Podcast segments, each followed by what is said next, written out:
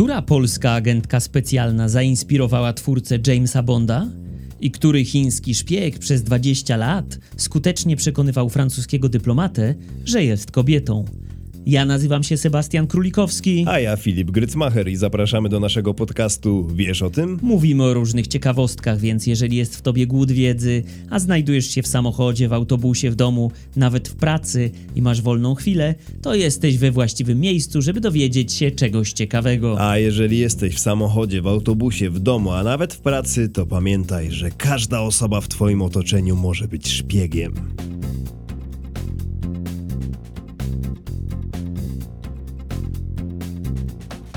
Siemanko! Dzień dobry, dzień dobry, witamy serdecznie. Dzisiaj opowiemy wam historię szpiegów. Dokładnie tak. Tajemniczych postaci znamy jest z filmów, z książek i dzisiaj będziemy opo- opowiadali o tych prawdziwych szpiegach.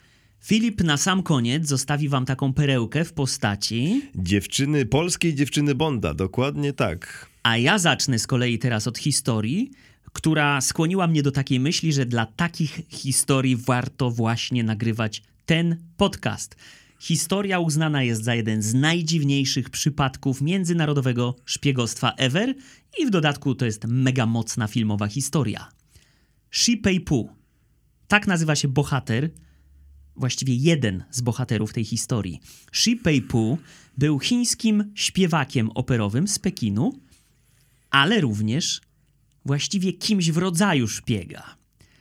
W 1964 roku uwiódł on pracownika ambasady francuskiej, Bernarda Beriscoa. Była to bardzo ważna placówka, ponieważ została otwarta w roku 64 jako pierwsza zachodnia placówka w Chinach, pierwsza od czasów wojny koreańskiej i w ten sposób prezydent Francji Charles de Gaulle w pewien sposób uznał reżim komunistyczny w Chinach. Bernard Beriscoe pracował w ambasadzie jako księgowy. On i Shi Pei-pu poznali się na przyjęciu właśnie w tejże ambasadzie francuskiej i wkrótce rozpoczęli co? Romans. Mm. Dokładnie tak. Jednak w tej historii jest pewien smaczek i właśnie dzięki temu smaczkowi ta historia jest tak niesamowita. Shi Pei-pu zdołał przekonać Beriscoa, że jest kobietą. Mało tego, to nie był taki jednodniowy romansik, ale mm, anglojęzyczne media często określają te relacje między nimi a 20-year long sexual affair, czyli taka 20-letnia przygoda miłosna, intymna przygoda miłosna. W trakcie tego spotkania, w trakcie tej imprezy w ambasadzie francuskiej, ten śpiewak operowy był ubrany jak facet, ale powiedział temu księgowemu francuskiemu, że został zmuszony do tego, żeby być mężczyzną, aby zaspokoić w ten sposób pragnienie ojca dotyczące posiadania syna. To była taka wymówka. Beriscoe nie był tą sytuacją zbytnio zniesmaczony. W jednym ze źródeł w New York Timesie znalazłem informację, w której on wspomina swoje, cytuję, nieliczne doświadczenia seksualne, które miały miejsce z kolegami ze szkoły. A on sam zapisał w swoim pamiętniku, że, znowu cytuję, był zdeterminowany zakochać się w kobiecie. No i tutaj pewnie nasuwa się tobie i wam pewno, pewne pytanie. Jeżeli ta cała sytuacja trwała 20 lat, to jak on się nie skapnął, No że ten facet jest kobietą? Po pierwsze, Beriscoe przyznał, że seks był szybki, ukradkowy i zawsze odbywał się w ciemności. Po drugie, francuscy lekarze twierdzili, że Shi Pei-pu mógł stworzyć wrażenie posiadania żeńskich genitaliów przez tucking, czyli podwijanie.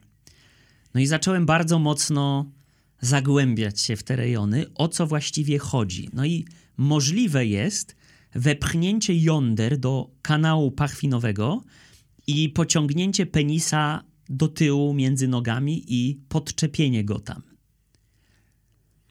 Nie do końca nadal rozumiem, jak można przez 20 lat się nie zorientować. Mhm. Spore poświęcenie w ogóle swoją drogą też chyba, nie? Tak. Teraz powiedziałem, że stwierdzili to francuscy lekarze. Dlaczego w ogóle Shi Pei-pu był badany przez francuskich lekarzy? Okej, okay, jedźmy po kolei. Romansik y, przerywa w pewnym momencie chiński rząd, który pojawia się w tej historii. Wiadomo, że mówimy tutaj o aferze szpiegowskiej. No i Beriscoe zostaje w pewien sposób zaszantażowany i musi dostarczyć tajne dokumenty ze swoich placówek w Pekinie, gdzie pracował w latach 1969-72 oraz z placówki w Ulaanbaatar w Mongolii, gdzie z kolei pracował w latach 77-79. Łącznie to jest ponad 500 dokumentów, więc całkiem spora liczba. Jak widać z tych dwóch dat, które wymieniłem, Beriscoe nie był w Chinach non-stop, ale kiedy tam wrócił w 1982 roku, Shi Peipu przedstawił mu Shi Dudu, czyli ich czteroletniego syna. No i Beriscoe mm.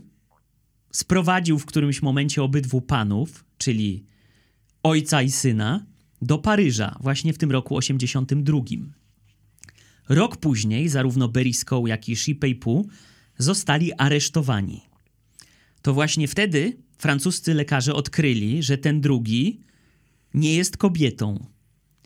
I dopiero wtedy dowiedział się również o tym Francuz, który próbował w tym momencie popełnić samobójstwo.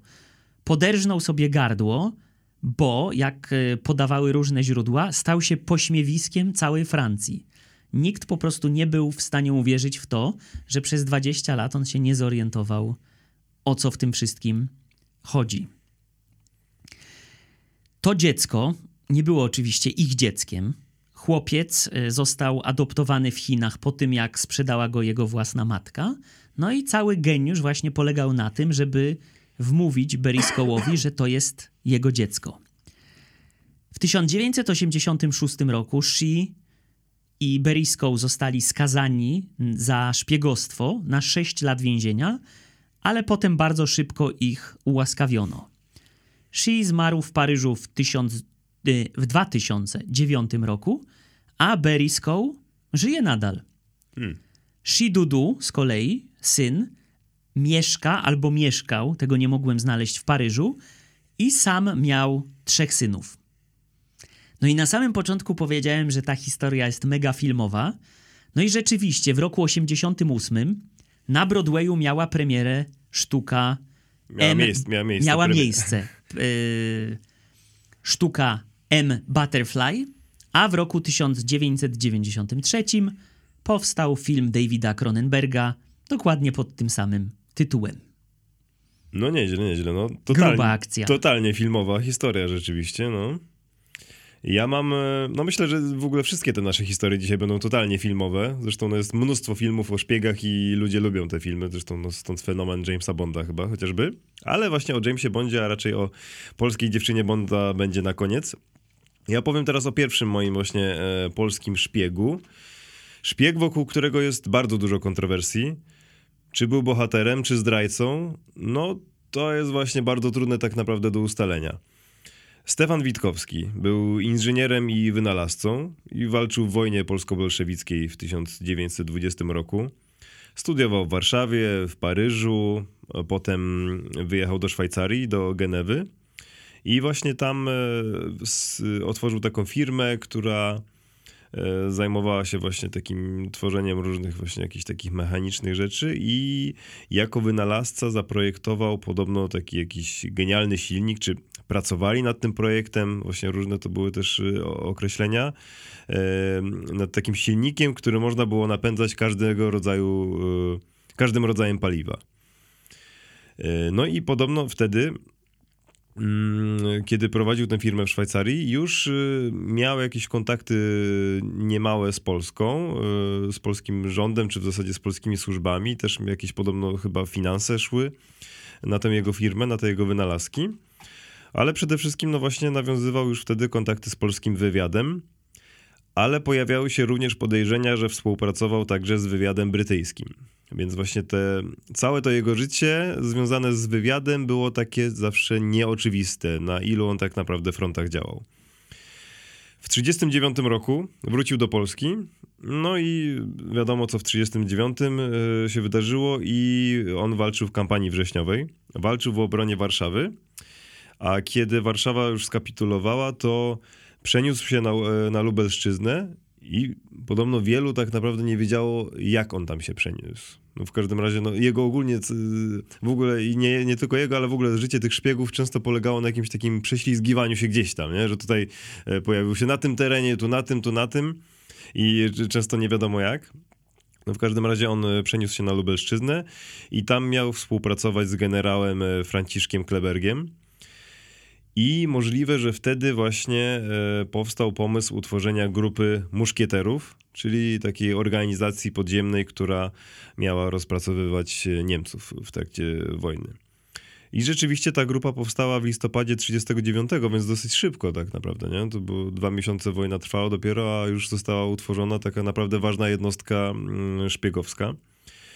I na początku ci muszkieterowie pomagali żołnierzom mm, w różnych jakichś takich sprawach typu e, wyciągnięcie kogoś ze szpitala, czy załatwienie jakichś fałszywych dokumentów, ale ogólnie no docelowo miała być to grupa wywiadowcza. E, podobno głównym miejscem spotkań muszkieterów było e, mieszkanie Teresy Łubieńskiej w Warszawie przy Placu Zbawiciela. Więc właśnie tak, nie wiem jak wyglądał Plac Zbawiciela przed wojną, ale teraz to raczej no, nie jest jakieś takie miejsce konspiracyjne, nie? Jakbyś bym nie pomyślał. No raczej, no totalnie na odwrót. Raczej to jest takie otwarte miejsce, w którym jest dużo ludzi, nie? Może, może to był sposób może właśnie, to może najciemniej pod latarnią właśnie, nie? więc no to ciekawe. W każdym razie ogólnie dla, e, dla tych agentów, dla tych właśnie muszkieterów, ta praca wywiadowcza to było coś nowego. I oni uczyli się tego po prostu w praktyce, tak na bieżąco, nie? To nie byli tacy, nie wiem, z, raczej e, w, w głównej mierze agenci szkoleni przez lata, nie? Tak jak gdzieś tam się słyszy te właśnie opowieści gdzieś, nie wiem, w Rosji czy w Stanach. Y, no i Witkowski właśnie organizował też, tak jak właśnie mówiłem, y, wiele sfałszowanych dokumentów, które pomagały często polskim żołnierzom. Między innymi takie dokumenty pomogły wyjść ze szpitala generałowi Stefanowi Roweckiemu, mm, który będzie dosyć mocno potem związany cały czas y, z tą historią Witkowskiego. Przebierał się często za ważnego oficera SS i działał pod pseudonimem August von Tirbach. Także to, no on musiał być rzeczywiście, w przeciwieństwie do tych chyba takich muszkieterów, którzy działali tak, e, którzy uczyli się bycia tymi agentami, no on musiał rzeczywiście przez lata nabywać chociażby takich umiejętności jak język pewnie, no raczej by ktoś, kto nagle się zaczął uczyć niemieckiego, nie mógłby się podawać za SS-mana jakiegoś A pamiętajmy, nie? że właśnie w bękartach wojny ktoś wpadł przez akcent. przez akcent. Nie włoski akcent, tak, tak, tak, tak. Nie, czy mówisz o włoskim? Nie, tam była również scena z niemieckim, A, że tak. Fassbender tak. się podawał, że się urodził w jakiejś niemieckiej jakiejś wiosce, wiosce tak, tak, tak, a akcent tak. był z innego rejonu Niemiec. tak, tak, to prawda, prawda. E, Stefan Witkowski współpracował również e, z właśnie tą wspomnianą przeze mnie e, polską dziewczyną Bonda, ale do tego nawiążę właśnie na koniec dzisiejszego odcinka. I meldunki muszkieterów miały bardzo podobno pasować generałowi Sikorskiemu, mm, który doceniał to, jak one były przygotowane, skrupulatne i rzeczowe. Jednak chciał, żeby oni podlegali ściślej Związkowi Walki Zbrojnej. Związek Walki Zbrojnej to była organizacja taka, która później została przekształcona w Armię Krajową. Mm, no możliwe, że nie wiem, że nie, nie chcieli, chcieli, żeby taka grupa wywiadowcza, której macki coraz bardziej się rozrastały i oni naprawdę mm, do niezłych rozmiarów się rozrośli, żeby taka organizacja może nie wymknęła się spod kontroli, albo żeby no, była ta kontrola wojska czy rządu, no żeby oni na przykład nie zostali odwróceni w jakiś sposób, tak, żeby nie, byli, nie stali się właśnie podwójnymi agentami. No i w pewnym momencie mm, Witkowski zaczął bardzo trudną misję, wokół której właśnie tak naprawdę yy, no do dzisiaj jest bardzo dużo kontrowersji. Prawdopodobnie na polecenie Związku Walki Zbrojnej i delegatury rządu na kraj podjął współpracę z Niemcami. No więc no jest to z dzisiejszej perspektywy bardzo śliska sprawa. E, podjął współpracę z niemieckim wywiadem któremu miał rzekomo pomagać na wschodzie, czyli jakby rozpracowywać w zasadzie chyba Rosjan, po prostu na rzecz Niemców. Y, no, ogólnie miał im pomagać w kontekście Związku Radzieckiego. I w grudniu 1941 w porozumieniu z Niemcami miał przerzucić czterech muszkieterów do Związku Radzieckiego.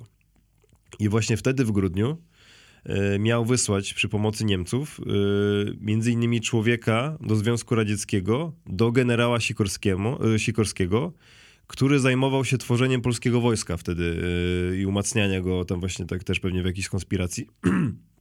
E, w Związku Radzieckim.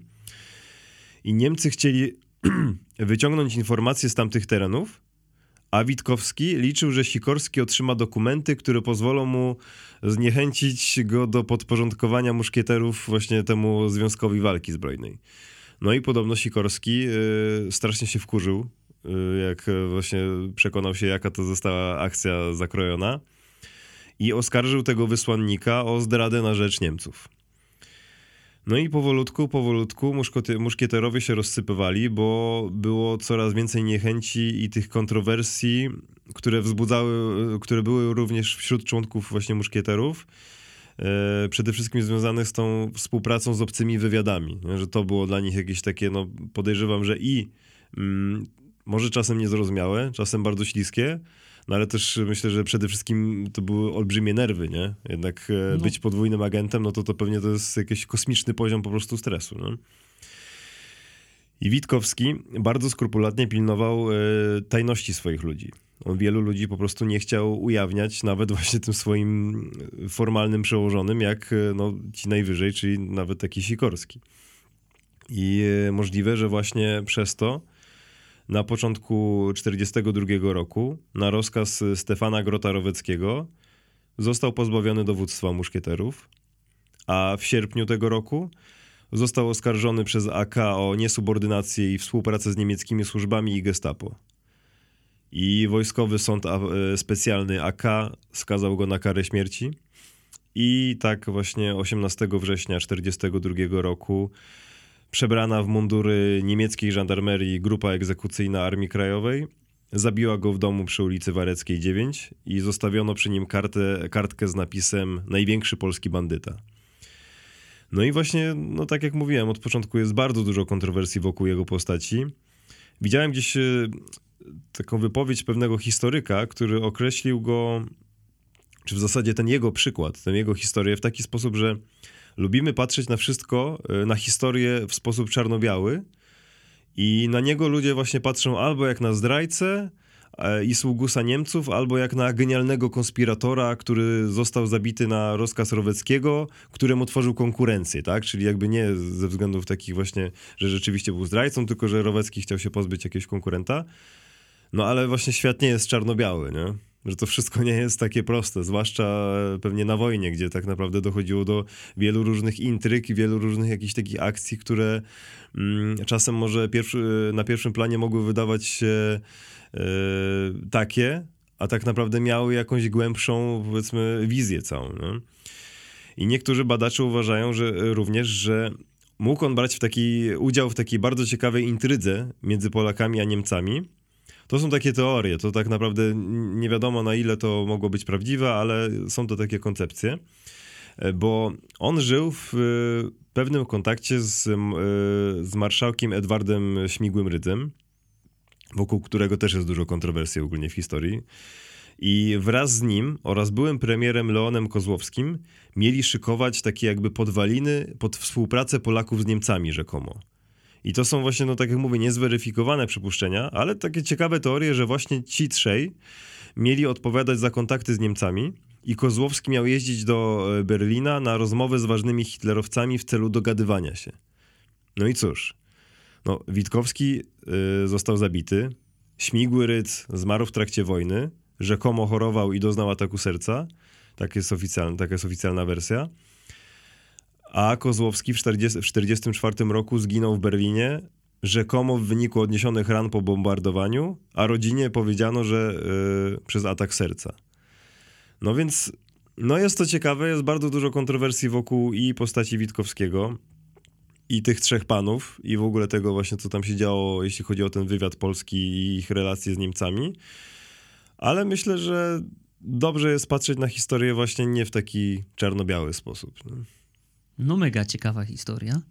Zanim przejdę do kolejnej, przypominamy wam o tym, że możecie teraz na przykład kliknąć ten przycisk subskrybuj, Dokładnie. zafollowować na Spotify'u, wystawić ocenę gwiazdkową, a także Możecie nas wesprzeć na serwisie bajkofi.to, łamane na wiesz o tym, link w opisie odcinka. Możecie nam postawić wirtualną kawkę. dzięki takiej wirtualnej kawce na przykład będzie kolejna historia Ethel i Juliusa Rosenbergów. No, słynne małżeństwo tak naprawdę. tak? Słynne, jeden z najbardziej chyba znanych e, szpiegowskich wątków. On urodził się w 1918 roku w Nowym Jorku. Był dzieckiem żydowskich imigrantów z Imperium Rosyjskiego i ten wątek związany właśnie z jego żydowskim pochodzeniem pojawi się pod koniec całej tej historii. Będzie to wątek bardzo istotny. Ukończył inżynierię elektryczną w City College of New York. W 40 roku wstąpił do, powiedzmy po polsku to będzie Korpus Łączności. Zajmował się pracą związaną z radarami. Kolejny istotny wątek z jego młodości w 1936 roku został przywódcą The Young Communist League, czyli Ligi Młodych Komunistów. No właśnie tam poznał w tym samym roku Ethel Greenglass, e, którą poślubił trzy lata później. Ethel miała brata Davida Greenglassa i to też będzie bardzo ważne dla całej tej historii. W 1942 roku Julius i Ethel zostają pełnoprawnymi członkami amerykańskiej partii komunistycznej. Zgodnie ze stroną atomarchive.com e, w 1943 roku Rosenbergowie opuszczają partię komunistyczną, aby kontynuować działalność szpiegowską Juliusa. Mówią o nim, zaraz się rozjaśni być może dlaczego głównie o nim.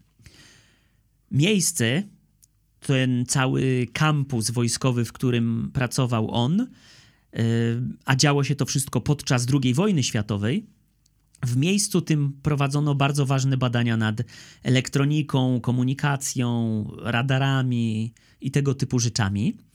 Dlatego, kiedy odkryto, że był on członkiem partii komunistycznej, a niektóre źródła mówią o tym, że ukrywał to członkostwo, w 1945 roku został stamtąd zwolniony.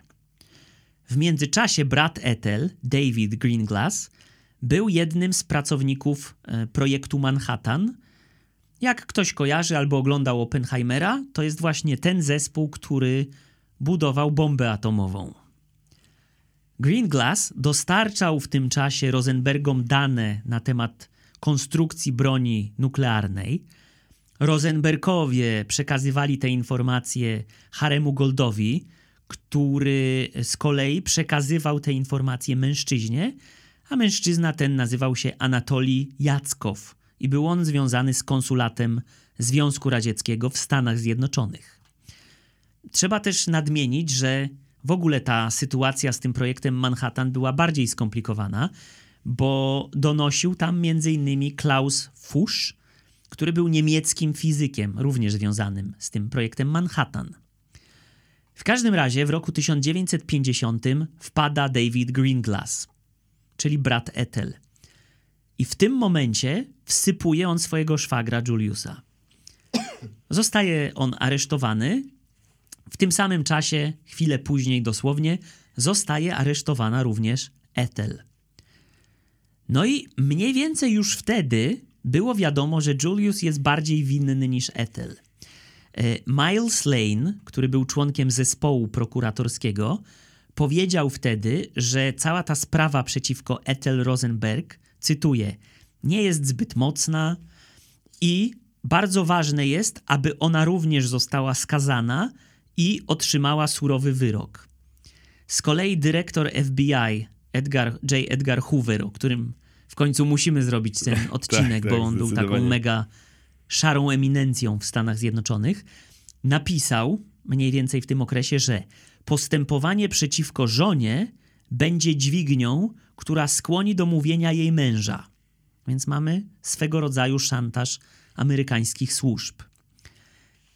najsmutniejszym elementem całej tej historii jest to, że Ethel została w całą tę sprawę wmieszana przez swojego własnego brata, który w międzyczasie zmieniał zeznania i oskarżał ją, jak się okazało potem, po to, żeby prokuratura wycofała zarzuty wobec jego żony Ruth. W 40, przepraszam, w 51 roku Rosenbergowie zostają oskarżeni o szpiegostwo. Greenglass, brat Ethel, był głównym świadkiem oskarżenia przeciwko swojej własnej siostrze, przeciwko szwagrowi. W tym samym roku, w 51, małżeństwo zostaje uznane za winnych, no i para zostaje skazana na śmierć. Podczas e, całego procesu sędzia Irwing Kaufman, wydając wyrok, zarzucił Rosenbergom zbrodnię gorszą od morderstwa. Oskarżył ich nie tylko o szpiegostwo, ale co ciekawe, również o częściową odpowiedzialność za wojnę w Korei.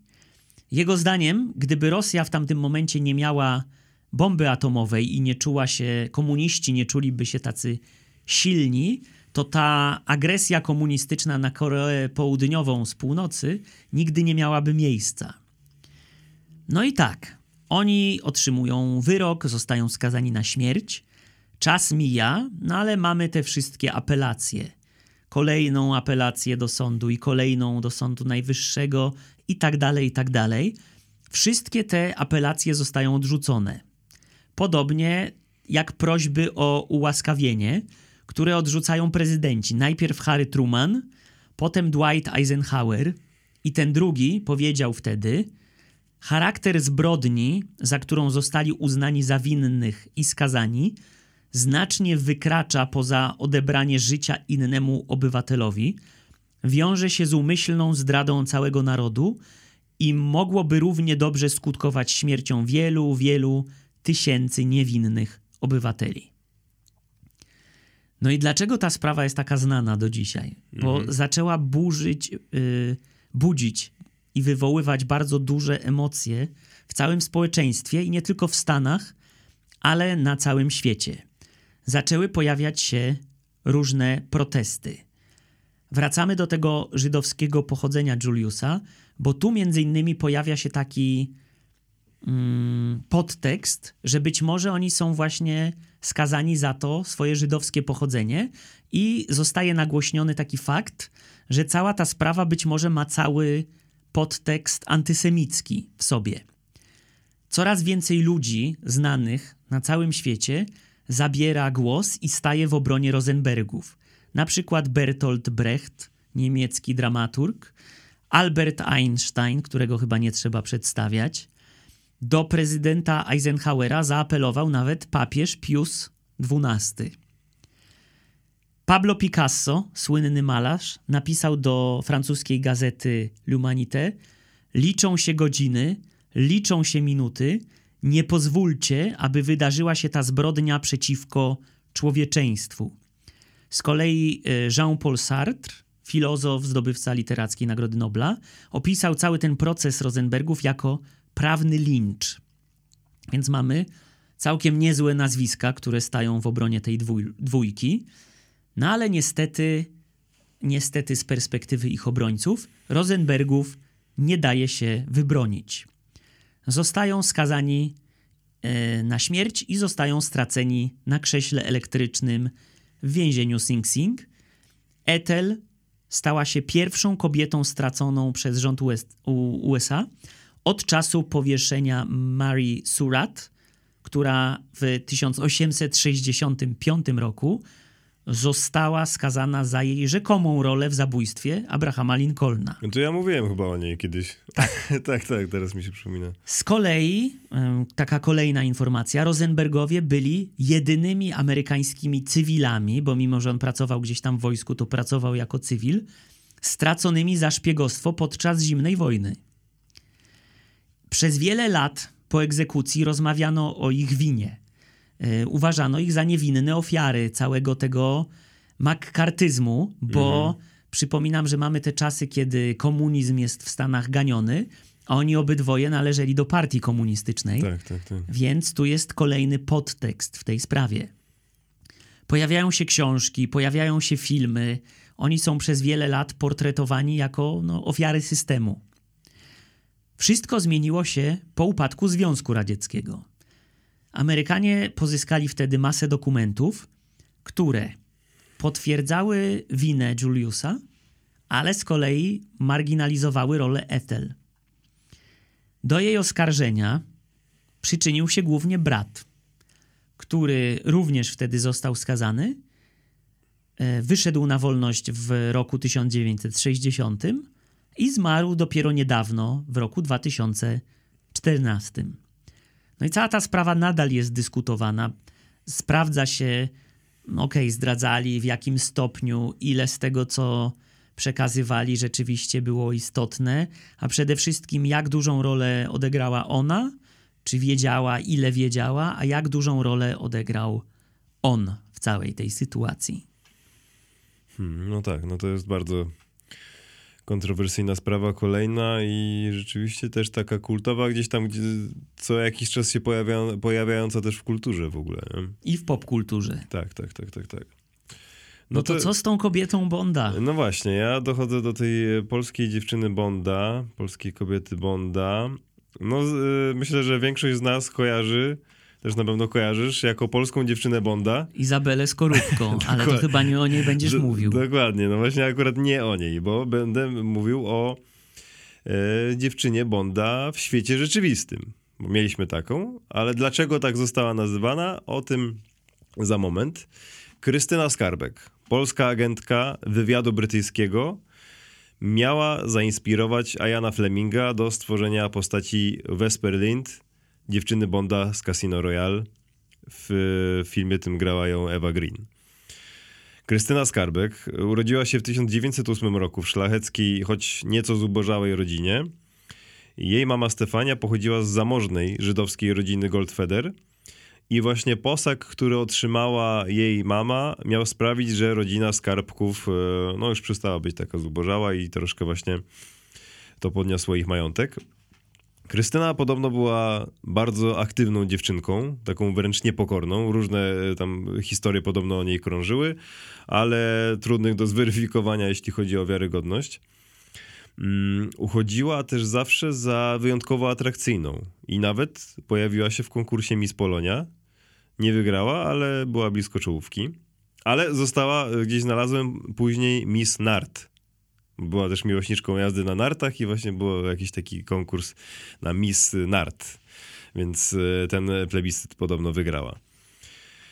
No, ważnym punktem w jej e, życiorysie, jeszcze takim młodzieńczym, był moment, kiedy zmarł jej ojciec. E, zmarł, kiedy miała ona 22 lata, i wtedy musiała pracować, żeby wspomóc swoją matkę, bo było im trudniej bez ojca i pracowała podobno przez jakiś czas y, w polskim oddziale Fiata. Y, nawiasem mówiąc, y, polskie Fiaty kojarzą raczej się, się raczej z komuną, nie? Fiat 125P, Fiat 126P. A właśnie znalazłem, że one produku produkowane już były przed wojną w ogóle. No to tego totalnie nie wiedziałem. Tak, i miały zdecydowanie taki przedwojenny, oldschoolowy wygląd. I to w ogóle już też było określane jako polski Fiat, nie? Bo to było w takiej współpracy właśnie z włoskim Fiatem. Mm, w 1938 roku e, wyszła za mąż za Jerzego Giżyckiego. To był jej drugi mąż. E, I Jerzy Giżycki był między innymi dyplomatą i właśnie po ślubie wyjechali do Kenii, bo tam jej mąż miał czekać na rozpoczęcie pracy w ambasadzie w Etiopii, wtedy w Abysynii, e, ale wówczas tam trwała wojna z Włochami, więc był to taki dosyć gorący mm, czas. No i właśnie kiedy byli w Kenii, no to robiło się coraz goręcej nie tylko tam, ale i na całym świecie, bo wybuchła druga wojna światowa.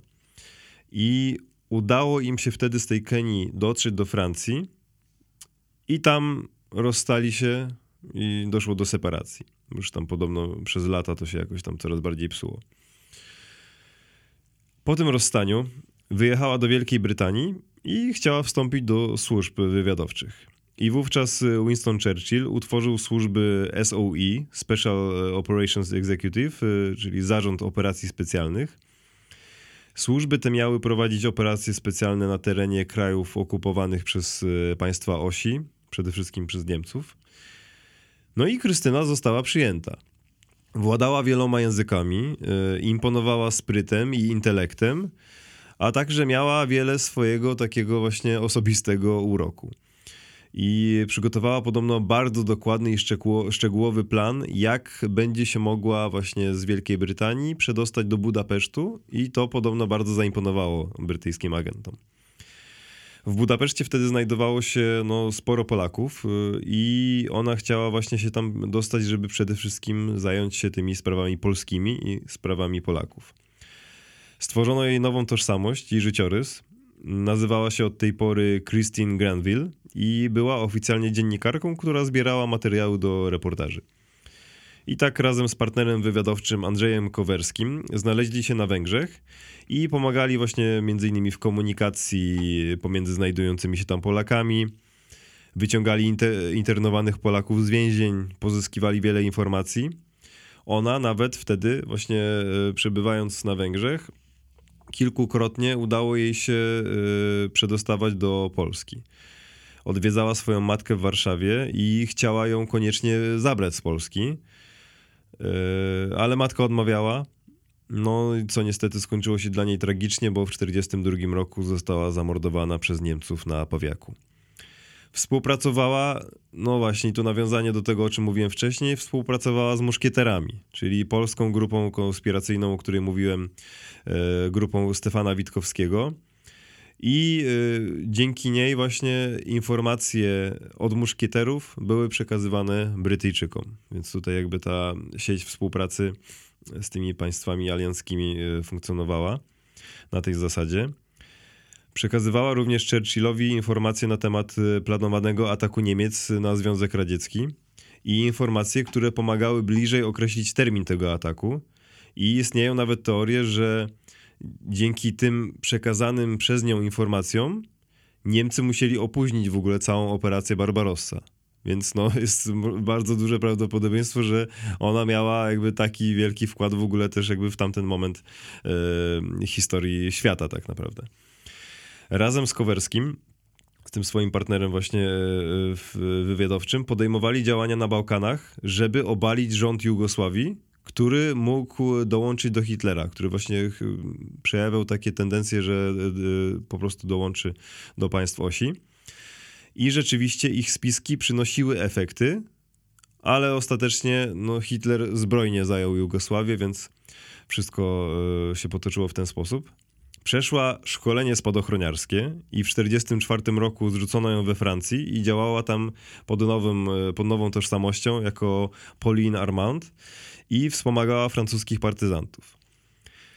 W sierpniu 1944 roku dotarła do Londynu i prosiła o pozwolenie na przerzut do Warszawy, gdzie trwało powstanie warszawskie. Jednak e, za każdym razem, kiedy o to prosiła, to jej odmawiano. I po paru miesiącach, jeszcze w 1944, e, miała do Polski, e, właśnie podobno z Wielkiej Brytanii, udać się specjalna misja wojskowa. I ona również wówczas już dostała pozwolenie, żeby dołączyć do tej misji, która poleci do Polski ale ostatecznie Churchill e, odwołał tę akcję. No i w 1945 roku mm, zakończono z nią współpracę, kiedy przebywała w Kairze i podobno wielu Polakom dziękowano za współpracę no, w taki wyjątkowo upokarzający sposób, mimo że przyczynili się do zdobywania wielu informacji, do wielu ważnych tak naprawdę punktów w ogóle w trakcie wojny. E, I właśnie tak jak innym Polakom, tak i jej E, kobiecie, którą określano mianem pierwszej agentki brytyjskiego wywiadu, dali 100 funtów odprawy na do widzenia. Te 100 funtów to wówczas to była, zdaje się, jedna trzecia miesięcznej pensji takiego, takiej agentki. No. Nie elegancko. Tak. Mm, po wojnie, więc no, z faktu, że no, już nie była agentką i już nie, i, no i nie dostała żadnej powiedzmy odprawy, która mogłaby jej jakoś cokolwiek zapewnić, musiała podjąć się jakichś kolejnych normalnych e, fachów. I żeby zarabiać, bywała między innymi pokojówką w hotelu czy stewardessą na statkach interkontynentalnych. No i podobno na jednym ze statków poznała Ayana Fleminga, czyli właśnie pisarza, który jest e, autorem e, historii Jamesa Bonda. I podobno miała z nim romans przez rok. Więc pewnie przez ten rok, e, jak się zbliżyli, to ona mu naopowiadała. Coś tam powiedziała. Naopowiadała mu podobno, pewnie sporo historii na temat swojego życia. No i to właśnie ona miała go zainspirować do stworzenia jednej z kultowych postaci ze świata Jamesa Bonda z Casino Royale. Pływając na tych statkach poznała również pewnego stewarda Denisa Maldoneya. Myślałem, że Roda Stewart. I on się po jakimś czasie w niej zakochał i po jakimś czasie on się jej oświadczył. Ona odrzuciła ten zaręczyny i on ją pchnął nożem i zabił. I tak niestety skończyła się jej... e, No Nie jej, spodziewałem się takiej puenty. Tak, niestety no bardzo ciekawe życie, bardzo przewrotne i niestety skończyło się momentalnie i bardzo tragicznie. Kolejna mega filmowa historia. Tak. No zastanawiające jest też to, że wiesz, y, tak jak jest dużo kontrowersji przy tym Witkowskim i tej śmierci, nie? Czy ten był słusznie skazany, czy nie i jak ten... To, tutaj też z drugiej strony, patrz, no była tak, tak dużo wiedziała, nie? Miała tyle informacji w trakcie wojny, miała, więc dużo siły miała tak naprawdę w swoich e, rękach, tak? Ale też w swoim umyśle. Czy to, że e, po wojnie tak o po prostu zginęła gdzieś tam, zabita przez e, jakiegoś faceta, który się w niej rzekomo zako zakochał, czy to też na pewno po prostu przypadek i tak się życie potoczyło? Kto wie, no o tych szpiegach to różne się słyszy historie, że się nigdy nie przestaje być szpiegiem i że czasem ktoś po prostu chce kogoś usunąć, bo za dużo wie. Więc, Być może tak było. więc y, tego nie wiemy, to już jakieś takie powiedzmy domysły może na podstawie tych wszystkich filmów, które oglądaliśmy. W każdym razie no, są to niebo- niewątpliwie wszystkie historie bardzo filmowe. Tak samo jak y, bardzo fajne może być subskrybowanie nas na YouTubie. Tak, to jest bardzo fajna historia. nas na Spotify'u, na Instagramie, TikToku, a także wsparcie nas w serwisie buycoffee.to, łamane na wiesz o tym. Macie link tutaj w opisie odcinka. Dziękujemy wam bardzo. Bardzo Mamy wam nadzieję, że dziękujemy. wam się podobało i że będziecie sięgali po więcej. Tak, zapraszamy do wszystkich innych odcinków i do wszystkich następnych, które będą się pojawiały co poniedziałek i w niektóre czwartki. I papa! Papa, cześć, cześć, cześć.